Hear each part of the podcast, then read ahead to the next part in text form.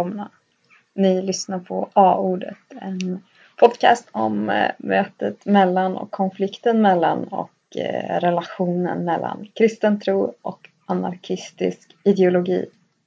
Spännande va? Eh, det du lyssnar på nu är del två av en intervju med Simone om anarkistisk religionskritik. Du får ju såklart lyssna på avsnitten i precis vilken ordning du vill. Men det här är del två och du har blivit varnad. I förra avsnittet så pratade vi en del om den historiska anarkistiska religionskritiken bland annat. Eh, här kommer vi mer rikta in oss på att prata om kyrkor och kyrkliga hierarkier och eh, kanske finns det till och med någon funktion med dem, vem vet, det får vi se. Det här är ett lite mer personligt eh, avsnitt också. Eh, jag och Jonathan får våra egna övertygelser lite ruckade och eh, det är läskigt men väldigt, väldigt nyttigt. Men eh, jag ska inte uppehålla er längre utan lämna över till avsnittet. Vi kommer även släppa ett, ytterligare ett avsnitt relaterat till det här där jag och Jonathan kör ett litet eftersnack. Vi tänkte trycka in det i det här avsnittet men det blir så himla långt så vi besparar er det. Men över till Simone och eh, del två.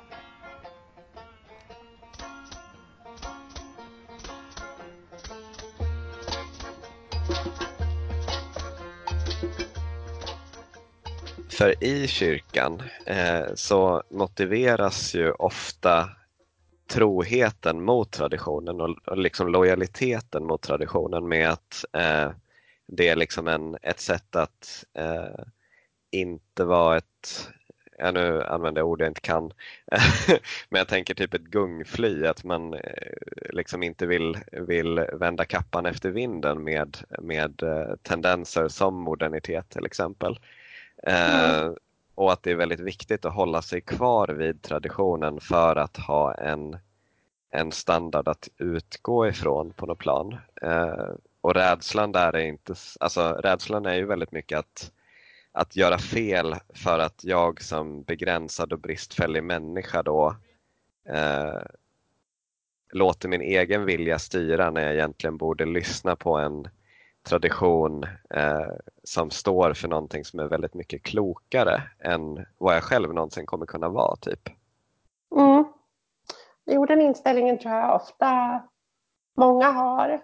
Eh, och det har ju till att man tror att det är uppenbarat från Gud och att Gud, är, liksom, Gud tolkas precis som kyrkan säger att Gud är. Och Gud är på det sättet och inte på något annat sätt. Um, men jag tänker att så här oväntat nog så har jag till och med en positiv sak att säga om kyrkliga auktoriteter. Men det finns ju också det här att det är lätt att tänka sig att så här, urkyrkan, man ser upp till deras så här, uh, spontanistiska beteende och att det är karismatiskt och Eh, det är väldigt levande och folk gör radikala livsval som typ säljer sin egendom och liknande grejer. Eh, men sätter man det från ett större perspektiv, eh, man kan till exempel ta det som hände i Knutby som exempel. För vad hade hänt om Pingstkyrkan i Sverige hade applicerat sina principer konsekvent när det kom till Knutby? Delvis att äh, inte lägga sig i det som händer i de enskilda församlingarna. Alltså, I frikyrkan har det ju länge funnits en tanke om att varje församling är suverän. Och jag menar, det är ju, på ett sätt som anarkist är ju det väldigt positivt. För det förebygger ju en kyrklig centralmakt som den uppstod jättetidigt i urkyrkan, inte lång tid därefter.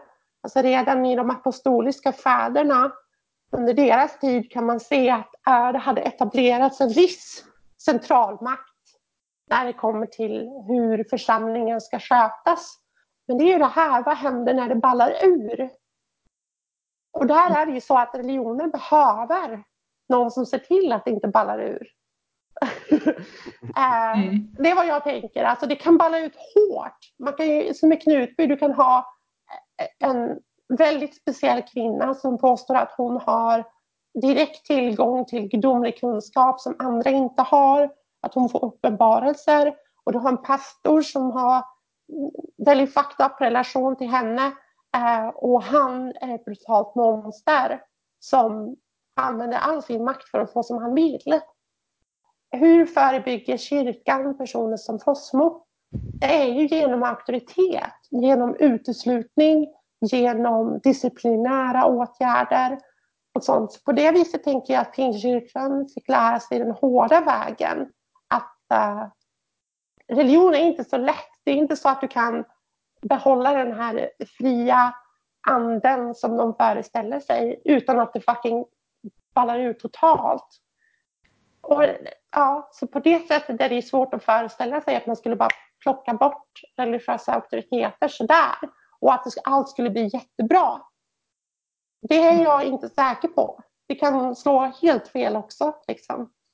Och där blir ju också en, en så viktig lärdom för alla som vill använda liksom, eller ha frihet som ett centralt ord och någonting som man värnar om. Alltså verkligen för anarkister att visa på eh, alltså vad, vad, vad, är frihet? Att eh, just att men det kanske om en person tillåts få den plattformen, den positionen och den, det liksom utrymmet att göra alla de här äh, absurda sakerna, liksom påstå att den har direktkontakt med en gud eh, som tycker att någon person ska skadas äh, av någon helt irrelevant orsak. Liksom.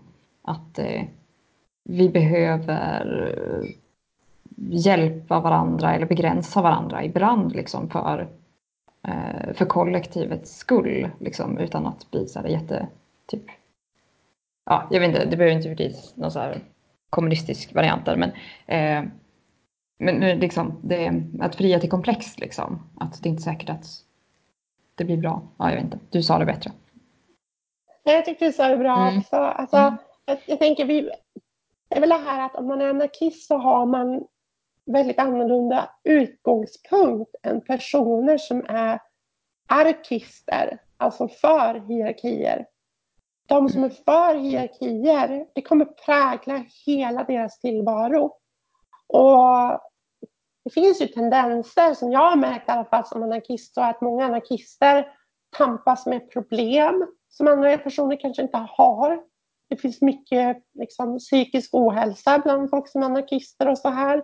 Eh, jag tror att det är delvis kopplat till att eh, om man, om man ser alla hierarkier och allt förtryck som pågår i samhället och inte ha ursäktande ögon på det, det är inte lätt i längden heller.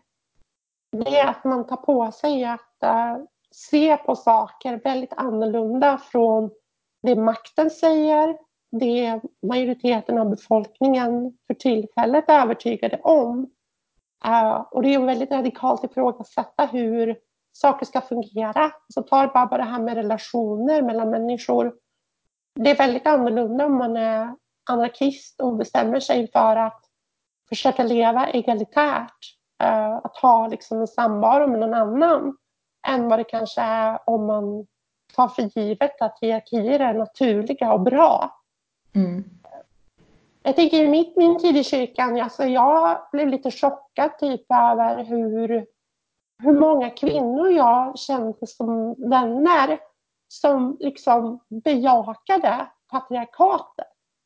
Och inte så lite grann, utan verkligen kört all in. Bara, nej, kvinnor ska aldrig vara präster. Uh, vi kvinnor passar bättre som att liksom tjäna män, ungefär så. Eh, och det är vårt syfte att bli mammor och bära barn. Det är vår högsta uppgift och det är liksom vår funktion som Gud har skapat oss för. Det var liksom oroväckande många som jag träffade som hade den här inställningen.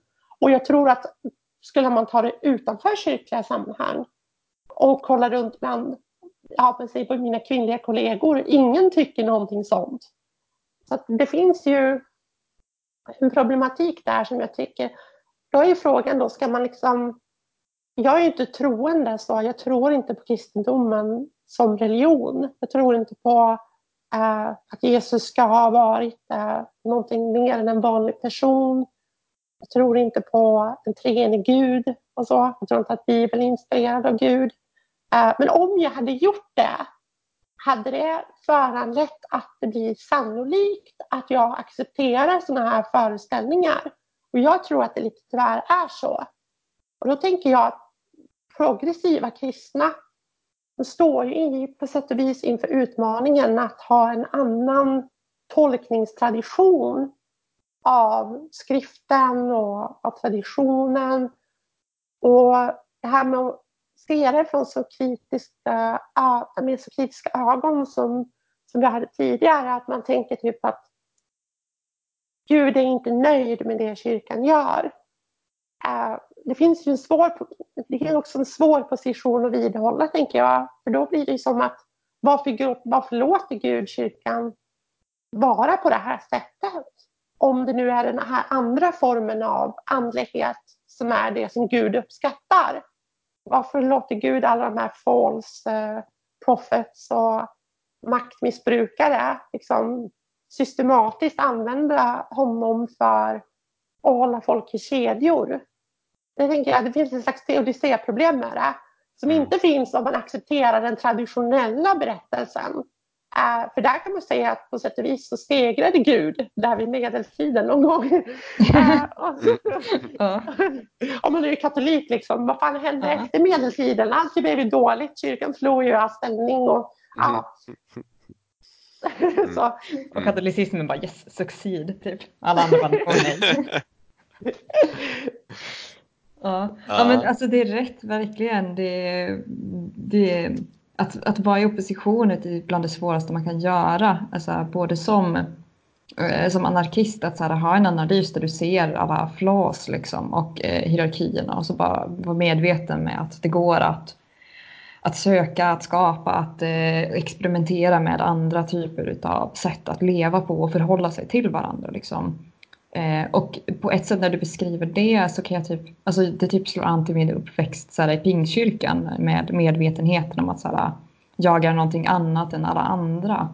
Eh, men där blir ju skillnaden så här, att man också har en, så här, en positiv och väldigt hoppfull så här, inställning till det projektet. Liksom, att så här, ja, men jag kommer få utstå olika typer av trakasserier och repression typ eh, Eh, för den jag är och det projekt jag håller på med. Men det är typ bra för att eh, det betyder bara att jag gör rätt typ. Så att man har, kör en slags vändning liksom. Och jag tänker det, är, det är en inställning som typ inte, alls, inte alltid behöver vara bra, men den kan vara lite skyddande typ. Och jag tänker att som anarkist så alltså, det kan vara vettigt att så här, se över så här, här, sin hoppfulla berättelse liksom, att, och söka tröst till, hos den liksom, och kanske också att det kan vara ett sätt att, att skydda sig från alla de här nålsticken i ögonen som de här antihierarkiska perspektiven och eh, glasögonanalyserna ger. Liksom. Um, och det var något mer jag tänkte, vad var det? Uh, uh, jo, och, ja, uh, och med just det här om man då har en så radikalare, eh, ändå vill hålla sig kvar i kristendomen på något sätt liksom, som radikal. Eh, det, tror jag. Alltså man måste verkligen uppfinna nya teologier och typ uppfinna hjulet igen och se till att så här, nej, men jag har ett sätt att förhålla mig till den här traditionen som motarbetar och som uppfinner Eh, ett förhållningssätt som är vettigt. Liksom. Och det är, det är svårt, men det, kan, det behöver inte bara vara jobbigt, det kan vara hoppfullt också. Att så här, vi skapar en ny berättelse om vart vi är på väg och vad vi håller på med, liksom, vad vårt projekt är. Eh, och det tänker jag, det kan vara peppigt, men det kan vara skitsvårt också. Eh. Mm. Jag tror att äh, för, mig, för min del som anarkist, alltså varför jag kanske väljer att se kritiskt på kristendomen, det har väl mycket att göra med hur funktionen av kyrkan i kyrkans egna ögon. Alltså funktionen är ju på något vis att vara här tills Jesus kommer tillbaka. Alltså mm. att han, åter, han återkommer och vi är här tills dess. Och i katolska kyrkan går ju det väldigt långt när de säger att påven är vikarie för Petrus. Och Petrus fick den högsta makten av Jesus då i deras uppfattning. Eh, så utgör då tills Jesus kommer tillbaka så utgör eh, Peter i ämbete eh, den högsta sitsen på jorden. Liksom. Om man har ett sådant perspektiv, det tror jag att man kan inte acceptera den premissen som anarkist mm. överhuvudtaget. Alltså, så det finns många former av kristendom som ryker. Sen kan det finnas former av kristendom som är kvar. Men mm. mycket av det vi kallar kristendom idag, mm. om man är en kristen anarkist måste man tycka att det här andra måste bort. Uh, och på det sättet är ju så att säga icke-teistiska anarkister och kristna anarkister på samma spår. Så jag tror att det är mycket saker som är gemensamt. Eh, jag är inte ateist men jag förhåller mig väldigt kritisk till organiserad religion. Och jag har väldigt eh, negativ bild över fenomenet, alltså vad den har för funktion och så. Eh, det finns positiva saker att säga Eh, jag är inte lika kritisk som de här anarkisterna som brände kyrkor i Spanien. Jag tycker att det här var för långt och det var eh, kontraproduktivt. Men jag har svårt att se att eh, kyrkan med den här övertygelsen om världens utveckling, om man säger så, om hur saker kommer gå, att det kommer komma en ny verklighet som ska byta ut våran eller liksom fullkomliggöra våran. Eh, och att Gud ytterst kommer ingripa för att fixa våra problem eh, i någon tidpunkt i framtiden. Det tror jag har väldigt svårt för. Men så ser man ju under bondeupproren i Tyskland att ibland kan också kristendom utgöra en kraftig motivator för att liksom bedriva klasskrig egentligen som det hände i Tyskland under den perioden när det fanns rörelser av bönder som försökte helt enkelt eh, krossa skallar av eh, feodalfurstar och sådana här och bara knäcka hela systemet. Eh, det var ju personer som insåg att de blev exploaterade. De ville göra upp med exploateringen. Sen tog sig upproret en religiös karaktär eftersom allting annat hade en väldigt stark religiös karaktär på den tiden. Så det kanske är en fråga mer om så här, eh, man kan betrakta det materialistiskt, alltså på så sätt att eh, sociala behov, eh, samhällelig utveckling i teknik och hur arbetslivet ser ut och andra sådana här saker kan influera hur kristendomen, om den kommer ha någon relevans, hur den kommer ha relevans. Men jag har svårt att se att det skulle gå tillbaka till i, i Sverige kyrkan skulle få en sån ställning igen som den hade. Det har jag väldigt svårt att tro. Så det, det måste man liksom ha i beaktning. Man kan inte betrakta Svenska kyrkan som katolska kyrkan betraktades av anarkister i Spanien eller så. Mm. Men där är också frågan, liksom, eh, som anarkist eller som kristen anarkist, vill jag att Svenska kyrkan skulle få samma ställning som den hade i Sverige back in the days? Utan, eh, och, och där, där tänker jag också att eh, svaret på den frågan borde bli ett väldigt resolut nej.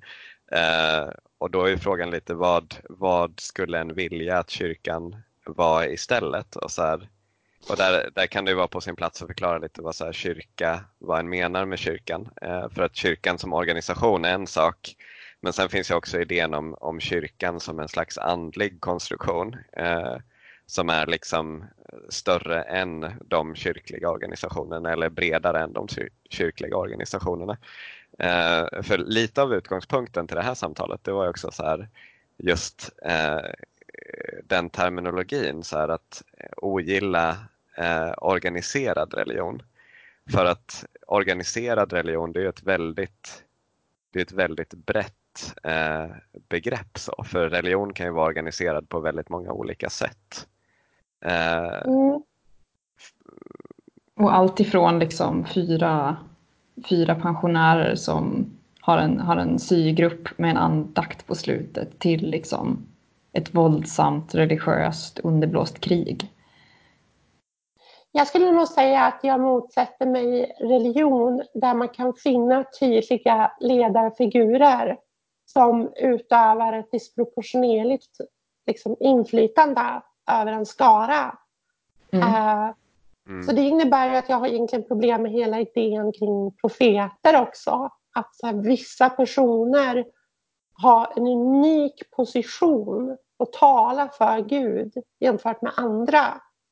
Uh, sen kan man ju, uh, och där har jag den inställningen som jag har, det vet jag inte hur jag skulle få ihop med uh, att vara kristen till exempel. Alltså med tanke på profettraditionen i Bibeln, uh, Jesus roll, lärjungarnas roll, apostlarnas roll sen och sen framför allt Paulus brev till församlingar där han instruerar hur de ska fungera och sådär.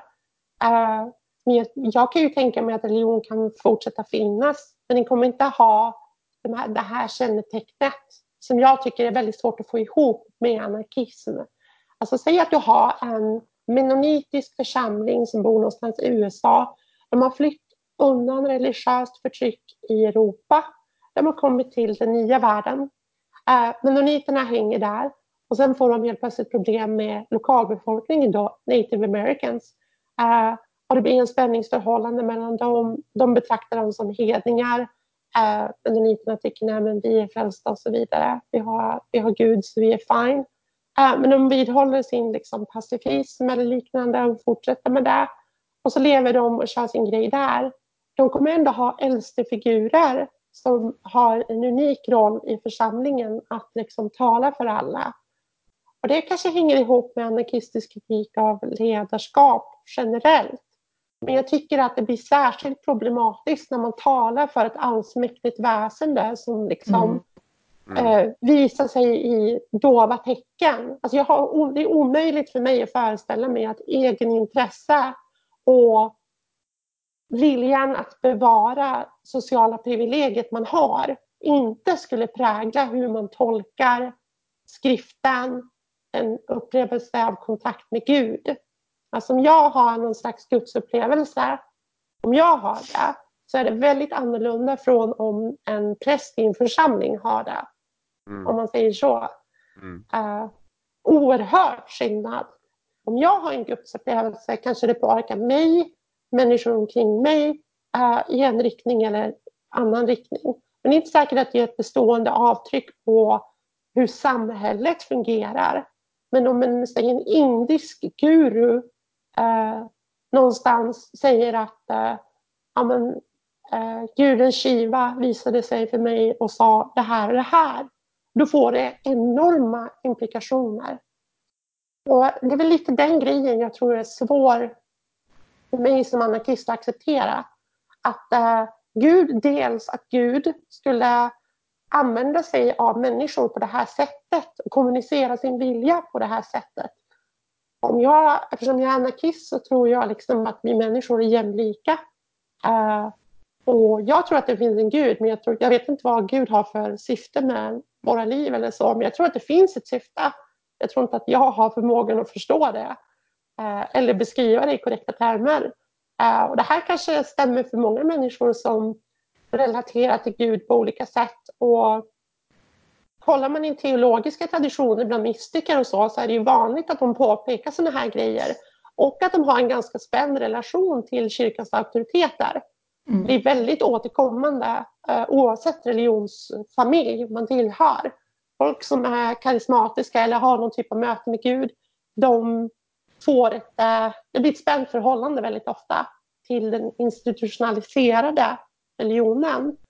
Men om det är den institutionaliserade religionen som ytterst överlever, reproducerar sig själv med sina strukturer och hur den liksom fungerar, om det lever vidare, då tror jag att dominansen är etablerad och, och hierarkin finns där.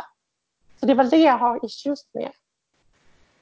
Sen kan det väl finnas någon form av icke-auktoritärt ledarskap också. Ehm, men makt eh, förorenar allting.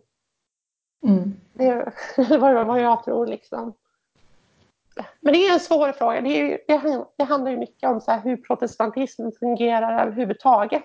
Alltså, det händer ju saker när man helt plötsligt säger att Gud kan vägleda mig i min läsning av skriften på ett unikt sätt.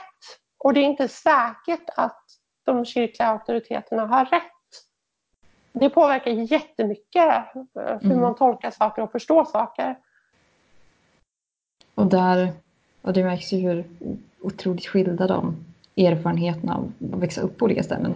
Alltså jag märker på mig själv, jag kommer från pingstigt håll där man så här, har en extremt, dels en extremt individualiserad läsning av Bibeln och så här, och en, ibland när jag hör dig prata blir jag så här, oj men är det här ens ett problem bara eh, påven och eh, Paulus, liksom, nej Petrus och bara, ah, varför är det ens en grej, skit i Petrus liksom, för att den inställningen kan du ha i pingkyrkan. Liksom. Mm. Eh, även om det finns andra problem med andra typer av dogmatik och traditioner som uppstår där eh, så kan du ändå så här, ha en, ja, det är, det är ett annat förhållningssätt. Men varje så här, del av kyrkan har sina egna utmaningar och grejer.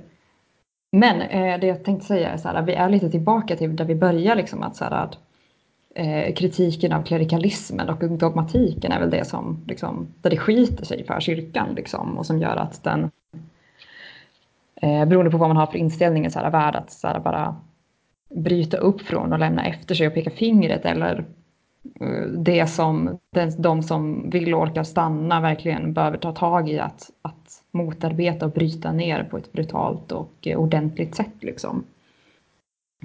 Och det blir väl så när man tittar i, liksom, i den anarkistiska blicken på kyrkan så är det just de sakerna som är problem. Liksom. Att, och speciellt som du säger när folk tar sig rätten att tala för ett, eh, ett gudomligt väsen. Liksom. Man kan åsamka så mycket skada. Mm, jag tänker att ett sätt som, som det här bottnar i är ju det här med försanthållandet som du pratade om. Mm. Om, om det vore så att det vore acceptabelt att ha en mer ifrågasättande och kritisk teologi och dogmatik egentligen, som inte säger du är körd, du hamnar i helvetet eh, om du går över vissa gränser. Att om du ifrågasätter för mycket så är du körd. Mm. Om man släpper den inställningen då kan man komma ganska långt i att bygga någonting mer konstruktivt Eh, men den där inställningen tror jag är väldigt svår att uh, tillintetgöra på det stora hela uh, när det kommer till de här religiösa traditionerna. De har ju själva förvaltat det och spridit det i århundraden. och det gäller liksom till och med buddhisterna gör det. Alltså i, i Sangan så finns det massa så här um, föreställningar om vilka människor som är bättre, att ja, men det är bättre att vara man, det är lättare att nå upplysning då. Eh, det är bättre, olika saker om hur världen ser ut som berättigar hierarkier. Att ja, du får inte ifrågasätta de här delarna av vår tro annars kommer du aldrig nå upplysning. Eller du kommer förskjuta din upplysning med kanske 230 miljarder återfödelser. Eller något sånt där. Mm. Alltså det finns väldigt så här, eh, stark claim på att lyssnar du inte på oss så är du väldigt illa ute. Och det säger sig självt varför många religioner ser ut så tror jag. Det finns en oerhörd psykologisk kraft i det. Och att eh, skapa en mer konstruktiv religiositet som inte bygger på skräck och fruktan. Det tror jag är en, det är en stor utmaning för människor att ha de här eh, tendenserna i sig. Och jag tror att religion inte bara, bara gör positiva saker, det gör också negativa saker. Det spelar in med våra liksom, psykologiska funktioner som människor. Och, ja, alltså jag tror att Freud i vissa avseenden hade rätt om religion eh, men inte rätt i alla former av gudstro. Det finns former av gudstro som når längre bort än vår egen hierarkiska relation till våra föräldrar. Men jag tror att väldigt många människor påverkas av det. Och där kan uppror och liksom förnekelse ibland vara något konstruktivt. Men ibland tror jag också att det inte alls åstadkommer någonting. Jag tror att i vårt samhälle i Sverige så har vi andra gudar, andra sakrala saker som tämjer oss på olika sätt. Mm. Mm. Jag tycker just eh, så här, utifrån min egen läsning av profeten och så vidare. Så jag, jag tycker väldigt mycket om de gammaltestamentliga profeterna. Framförallt så har de en väldigt, ofta en väldigt tydlig maktkritik och en väldigt tydlig kritik av, eh, av sin tids liksom ekonomiska elit. Eh, men samtidigt så, så har du en eh, väldigt intressant poäng av hur de gör anspråk på den gudomliga sanningen på ett, på ett sätt som läses väldigt okritiskt. Och det sätter ju en, en eh, ja, ett prejudikat på något sätt på hur, hur vi tänker kring uttolkning av eh, gudomlig inspiration. Ja, alltså jag tänker så här. Hur kommer det sig att det finns så många kristna i världen men det finns få, få personer som beter sig som Jesus gjorde? Det är egentligen väldigt intressant. Om man ägnar hela sitt liv åt att tillbe en person, du tror att den här personen liksom är Gud i kött. Uh, eh, du tror att det här är den fulländade mänskliga förebilden. Men du säger fortfarande så här, nej men jag kan inte sälja min Volvo. Uh, jag vill ha kvar aktieägaren i mitt företag.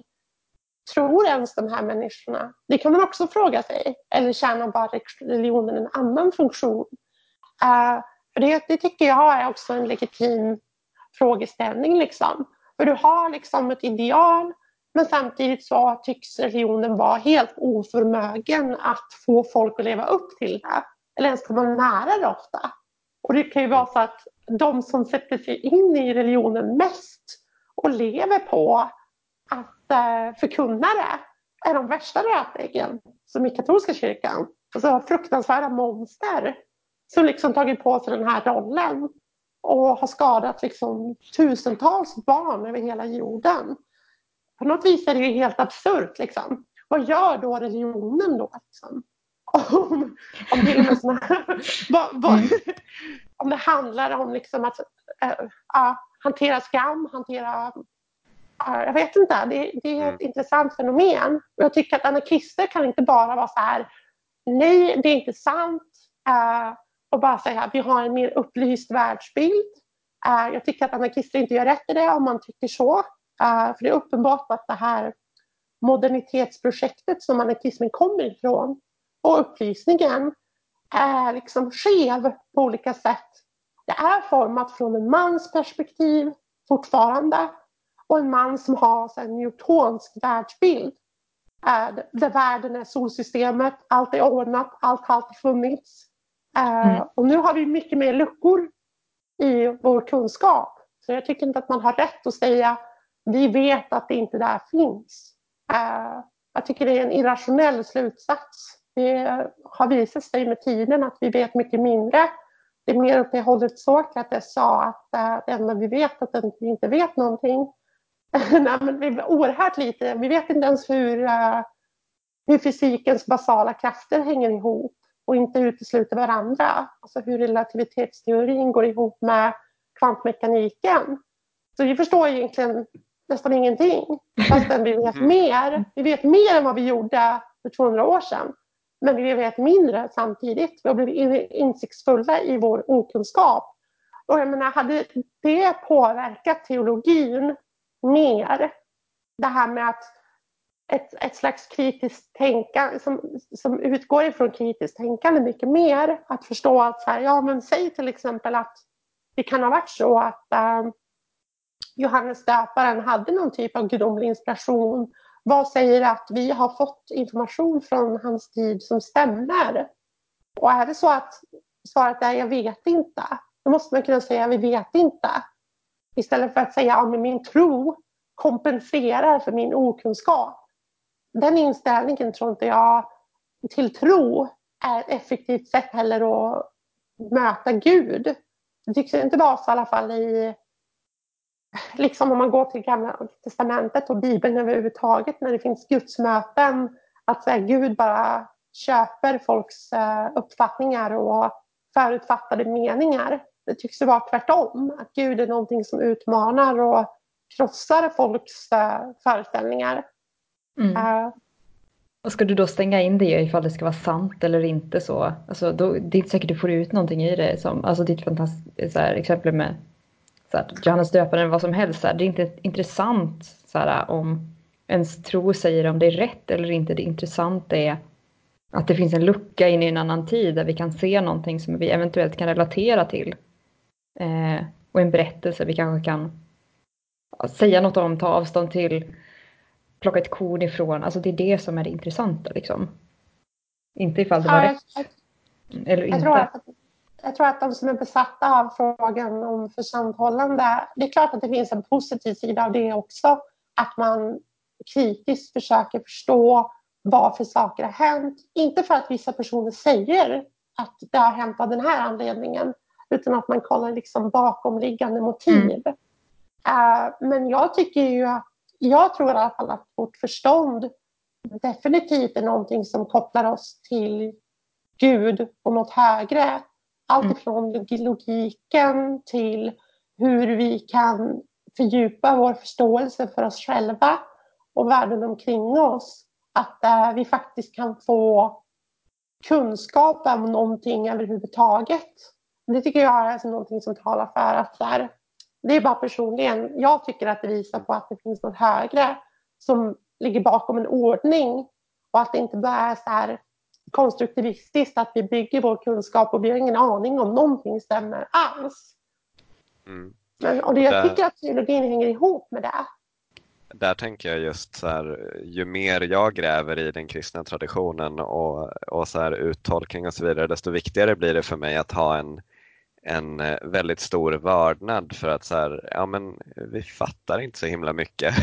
alltså, vi har, vi har nått viss kunskap men det är så mycket mer eh, oavsett om det gäller liksom kvantmekanik och eh, liksom hur, hur fysiken kan förklara världen eller om det gäller hur vi kan förstå eh, vad nu Gud är. Alltså det kallar en snarare till en ödmjukhet än att påstå och uttolka att saker är på ett specifikt sätt. Och sen tror jag alltså, just i det här kaotiska och osäkra och eh, medvetenheten om att vi inte kan greppa allting. Hela världen går inte att beskriva.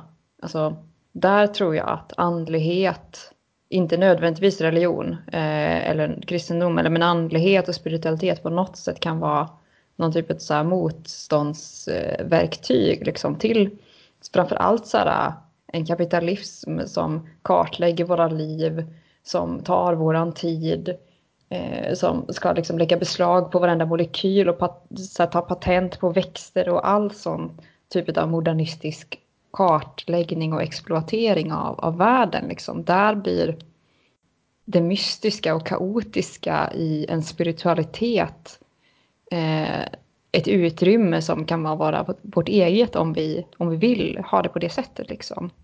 Eh, och det skulle kunna öppna ett fönster till någon typ av motståndshandling. Liksom. Att åtminstone den andliga biten av våra liv ska ingen få ta ifrån oss.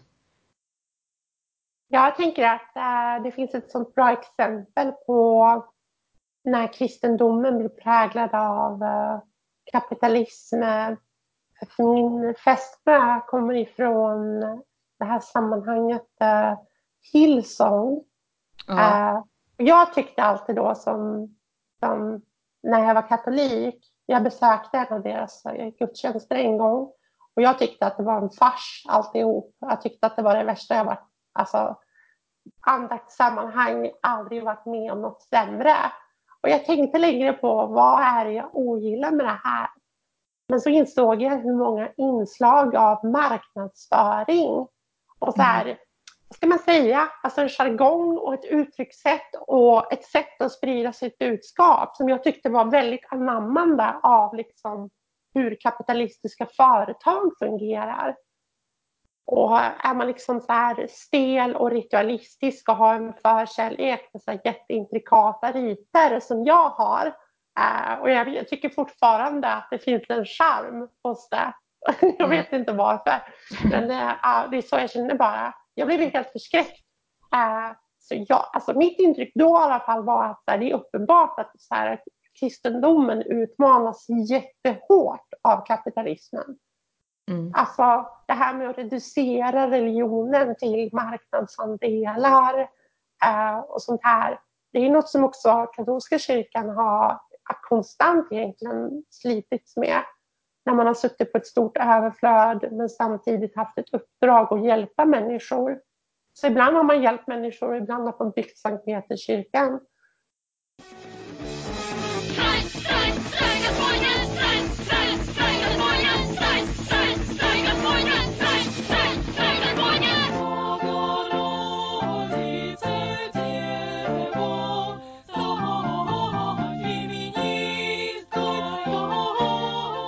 Vi har pratat jättelänge nu.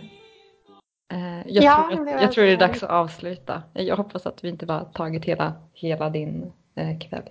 Men har du något så här, eh, när vi skulle planera så var det så här, åh du får ställa frågor till oss om du vill, men har du något som du känner så här, det här har vi inte tagit upp, det här vill jag säga eller det här vill jag ställa er till svars för eller fråga om? Ja, alltså, jag undrar väl om ni är ni positiva? Tror ni att inte säger det en verklighet som jag önskar mig, en verklighet där arbetarklassen reser sig mot borgarna och krossar den borgerliga nationalstaten och upprättar arbetarråd och tar rikedomarna från borgarna och börjar skapa ny mening och ny kultur som inte bara står på relikerna från förr. Tror ni att kristendomen skulle kunna vara en kraft som inverkar positivt på den förändringen?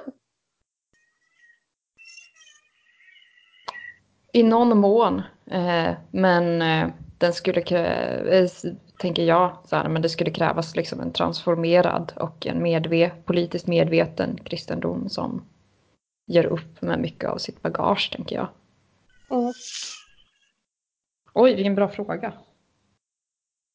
Men jag tror att det är, det är väl det som är de här anarkisterna som är väldigt säkra på att uh, all religion måste förintas. Verkligen nu, pronto. De personerna tror ju väldigt starkt på att absolut inte. Alltså att kyrkan mm. kommer vara ett jättebra redskap för borgarklassen mot arbetare. Uh, jag är inte så säker på att det behöver vara så. Men mm. jag, jag skulle inte säga att jag tror optimistiskt att kristendomen kommer vara ett jättebra redskap för folk i så kallade tredje världen. Mm. Men jag tror att egentligen så delar jag Anna din åsikt ganska mycket. Jag är inte heller så här speciellt optimistisk. Jag tror inte att det kommer hända något radikalt. Där kyrkan verkligen får vara nyckelroll. Det är mest så här att jag tänker att den mycket väl har ett utrymme att vara det. Men jag är inte jättehoppfull heller. Mm. Jag mm. tror i alla fall att den, den kristendomen, om det skulle finnas en sån kristendom som överlever där så kommer det vara mycket mer autentisk mm. än den som funnits innan. Ja men precis. Men sen tänker jag också, och det tänker jag i väldigt många frågor, att eh, eh det finns alltid saker som motarbetar varandra. Alltså, det finns så många olika förgreningar, alltså både av typ kristendomen men också, alltså man tittar på anarkismen, hur den ser ut att det, det, finns väldigt många uppfattningar om vart man ska, vilken väg man ska ta, vilka metoder som är bra och jada jada liksom. Och att det är likadant mm. i, alltså att det är så lite saker som är typ enhetliga så att det, det är svårt att det är svårt att svara på bara av den anledningen för att det är så komplext.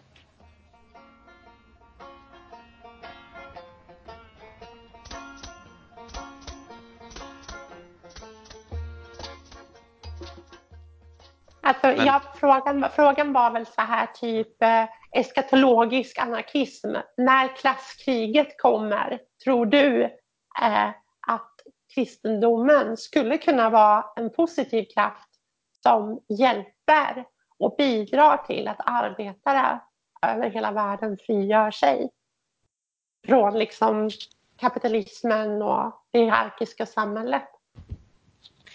Eh, alltså, det är väl det jag hoppas på på något plan. Eh, så som kyrkan är organiserad idag och i den form som kyrkan har valt att förekomma eller liksom kommit att förekomma så tror jag inte det. Eh, alltså, jag stötte på ett exempel, nu kommer jag inte ihåg vart, men om metodismen i England. Liksom. Att om det inte hade varit för metodismen och så betoningen på eh, alltså det, det inflytande metodismen har haft på att eh, människor liksom ska vara hela och rena, typ, så hade kanske England haft en revolution. Men, men metodismen blev väldigt tydligt en antirevolutionär kraft i England för att den liksom skapade förutsättningar för att eh, människor skulle kunna lyckas med så här småföretagande typ istället. Så det är småborgerligt, tänker du? Som ja. ja. ja jo, men, men också som Weber skrev, alltså det finns en bok som heter så här, Protestantismen och den kapitalistiska andan liksom, som beskriver exakt det. Mm. Mm. Och just det här också, alltså, ja men eh, mer åt Weberhållet, liksom, att det är ditt eget fel om du misslyckas, så att skyll inte på omständigheterna typ. Men, eh, men eh, samtidigt så, alltså, jag ser Jesus som en som någonting väldigt unikt och så här, jag kommer inte ifrån Jesus karaktären. Eh, och jag tror att det finns någonting väldigt revolutionärt i hur Jesus presenterar Gud. Eh, och jag hoppas väl att eh, människor ska kunna ta det på allvar på något sätt. Och utif- alltså, en eh, organisering som utgår ifrån hur Jesus-personen presenterar det gudomliga tror jag skulle kunna vara ett positivt bidrag i klasskampen. Mm. Jag tänker att det beror mycket på vilken Jesusfigur som så att säga vinner i människors hjärtan. Om det är Jesusfiguren som sa till lärjungarna att beväpna sig eller om det är Jesusfiguren som låter sig ledas till att dö för mig så en, en grej som vi inte pratat om men som jag tror bidrar till varför jag är kritisk mot kristendomen det är väl också det här, även bland, kanske framför allt med de, bland de mer anarkistiskt sinnade kristna. Alltså om man går tillbaka till anabaptisterna och de här som motsatt sig att kristna ska ha auktoritet i världen, det är ju pacifismen. Uh, som jag tror att det är enormt hinder. Jag är väldigt kritisk till perspektivet att icke-våld tar oss framåt. Jag ser det mer som att eh, det optimala är att allt våldskapital hamnar hos utsugna människor och att de använder allt det våldskapitalet mot dem som suger ut dem. Det är väl ungefär vart jag kommer ifrån. Men jag, det finns ju underlag egentligen i Nya Testamentet för båda perspektiven. Mm. Och där har vi typ ett helt nytt poddavsnitt som vi skulle kunna prata bara om så här, pacifism och kyrkan och våld. Eh, mm. Men jag tror att vi kan inte ta det nu, då dör vi. Eh, det förtjänar ett eget avsnitt. Det, förtjänar, ja, men det gör det verkligen, för det är så, det är jättespännande och vi har pratat en del om det tidigare i podden också. Mm. Eh, men det, det, man kan verkligen prata väldigt mycket om det. Och vi har sagt att vi ska komma tillbaka till det, så det får vi väl göra.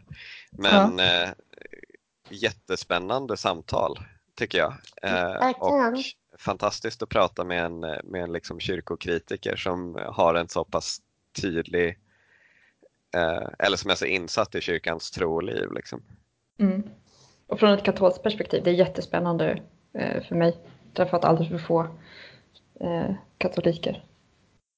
Ja, och jag vill säga bara som avslutning att eh, en, en lärdom man borde ha som anarkist, det är att när man utvärderar ett fenomen, då ska man inte lyssna på vad till exempel toppskiktet i organisationerna tycker, utan man kan också kolla på hur ser vanligt folks andlighet ut?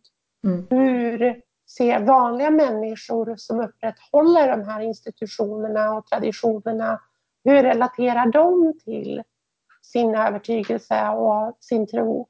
Och kan den förändras? Kan det finnas ett glapp mellan vad basen säger till skillnad från vad toppen säger? Och anarkister ska inte vara sådana som tror på vad auktoriteterna säger om sig själva. Äh, det blir ett sånt här fenomen. Man ser ofta typ så här Sverigedemokrater. När de ska tolka islam så går de alltid till de mest konservativa imamerna och gärna saudier, vad de har att säga. Men det är ju en försvinnande liten del av muslimer som har övertygelserna som det saudiska ledarskapet har. Mm. De här shejkerna i Saudiarabien. Det är ett helt orimligt perspektiv att betrakta religion på det sättet. Liksom. Och så säger de här Sverigedemokraterna, nej men de säger ju att de har den rätta bilden av islam. Man bara no shit Sherlock, klart de gör, de vill ju ha rätt. Ja. Men, men tusen tack, ja. det var ett jättebra samtal. Eh... Jag, jag, funderar på om, jag funderar på om vi ska köra en kollekt. Ja, just det. Vi har Nu sätter vi dig förhoppningsvis inte allt för mycket på pottkanten, men ja. Vi har en praktik i vår podcast där vi eh, tar upp kollekt i de avsnitt där vi kommer ihåg att ta upp kollekt. Eh, och det är helt enkelt att vi eh, frågar om det är någonting som, eh, har du något mål som behöver lite fundraising som skulle gynnas av, en, eh, av några Swish? Alltså jag har inget nummer i minnet så här, men jag tror att det är bra om folk bidrar till humanitär hjälp i Jemen Eh, det har pratats jättemycket om det, men jag tycker man kan fortsätta prata mer om det. Och vi är själva delaktiga i det genom att eh, svenska företag tillåts sälja vapen till Saudiarabien som används i Jemen mot civilbefolkningen. Och ja, det är viktigt att göra protester mot Saab och det är viktigt att eh, det finns ett humanitärt stöd för de som är i Jemen. så det är väl en fråga som jag skulle vilja dra upp. Jag hoppas att folk vill bidra med det till ja, olika organisationer som hjälper till i Jemen med humanitär hjälp. Men vi kollar upp det och så lägger vi en länk i våra avsnittsnotiser till någon organisation som gör bra jobb i, i Jemen helt enkelt. Det är en jätteviktig fråga. Mm. Bra, men då avslutar vi inspelningen där tycker jag. Ja. Tack så mycket. Jag ska ta gå på toa. ja, alltså sjukt när man pratar jättelänge så blir man så här mer och mer kissnödig.